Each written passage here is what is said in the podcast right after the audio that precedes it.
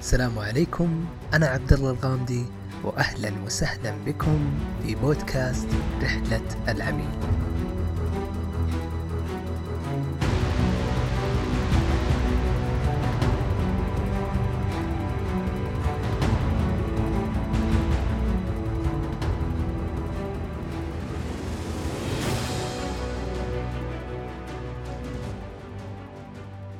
سواء كنت في العمل في الطريق أو حتى في المنزل.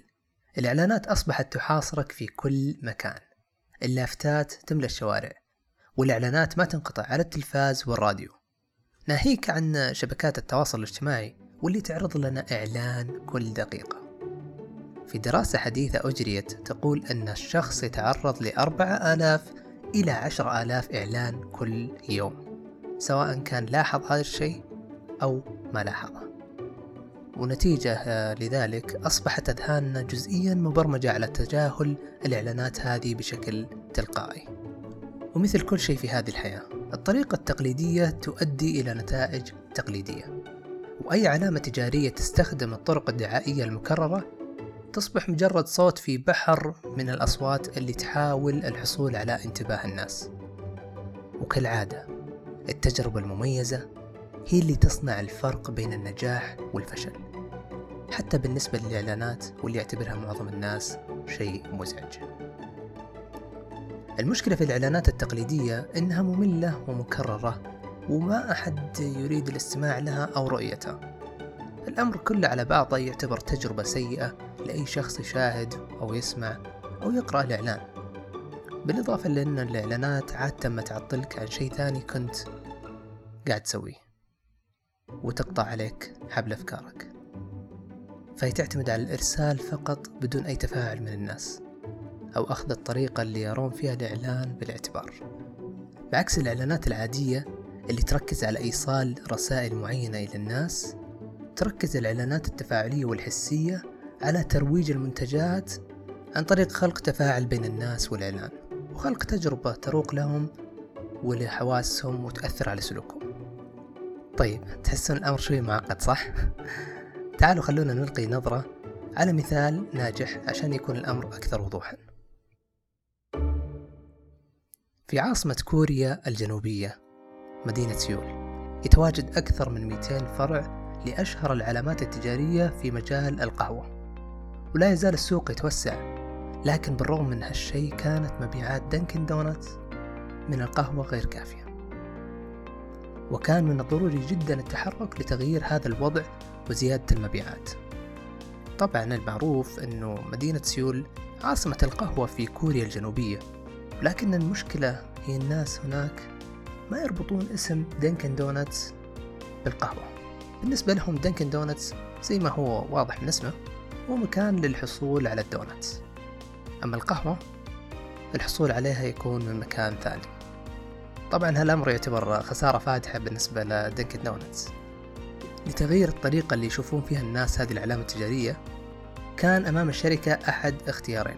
الاختيار الأول هو الحل التقليدي حملة إعلانية مملة تذكر الناس أن Dunkin' Donuts يبيع القهوة. الاختيار الثاني الغير تقليدي طبعا هو حملة دعائية حسية تربط العلامة التجارية بقهوة الصباح في أذهان الناس.